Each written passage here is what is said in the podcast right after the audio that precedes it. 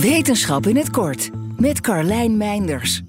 Door satellietmetingen en machine learning te combineren, lukt het Esron-onderzoekers sinds kort om elke week openbaar te maken waar ter wereld de grootste bronnen van methaanuitstoot zitten. Maar waarom is het zo belangrijk om dit zo precies in kaart te brengen? Omdat methaan na CO2 het belangrijkste broeikasgas is. Is verantwoordelijk voor meer dan een kwart van de opwarming die we nu hebben.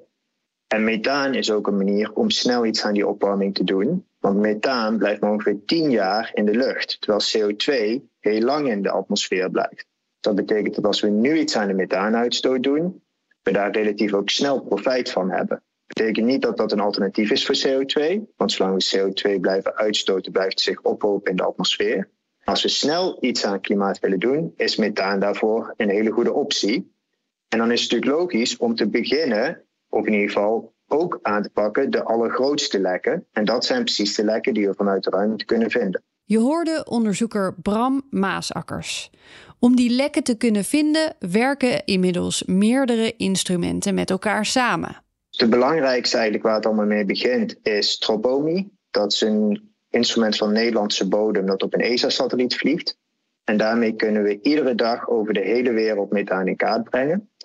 Alleen die individuele observaties beslaan een gebied van ongeveer 7 bij 5,5 kilometer. Dus dat betekent dat het lastig is om precies aan te wijzen waar dat lek nou zit.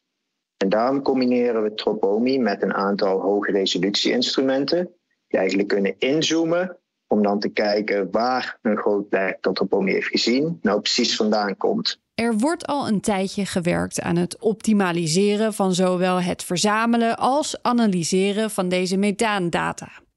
Dit jaar zijn daarin een paar grote stappen gezet. Wat we nu eigenlijk sinds het begin van dit jaar doen, is dat we iedere week de grote pluimen die we detecteren op onze website zetten. Dus er zijn heel veel observaties die Tropomi neemt. Een van onze PhD-studenten, Berend Schuit, heeft een machine learning aanpak ontwikkeld om automatisch daar de grote pluimen in te vinden. Die pluimen bekijken we en die zetten we nu tegenwoordig wekelijks op de website, zodat die voor iedereen toegankelijk en ook inzichtelijk worden. Maar ja, dan weet je dat er ergens zo'n lek zit. En dan? Op basis van de tropomipluimen zelf is het soms lastig om precies aan te wijzen wat er staat te lekken en waar er dan iets gedaan moet worden. Maar daarom werken we bijvoorbeeld ook samen met het International Methane Emissions Observatory. Dat is een programma van de Verenigde Naties. Op basis van die detecties die we doen, kijken we waar de langdurige uitstoot zit. Zij zoomen dan in met hoge resolutie-instrumenten.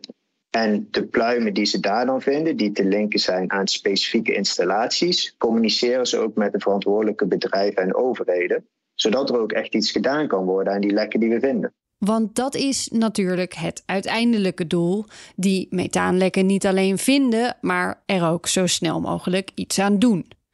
Nou is het al heel mooi om wekelijks die data te hebben. Maar kan het ook nog beter? Nou, waar we bij Esron aan werken is om steeds meer uit die data te proberen te halen.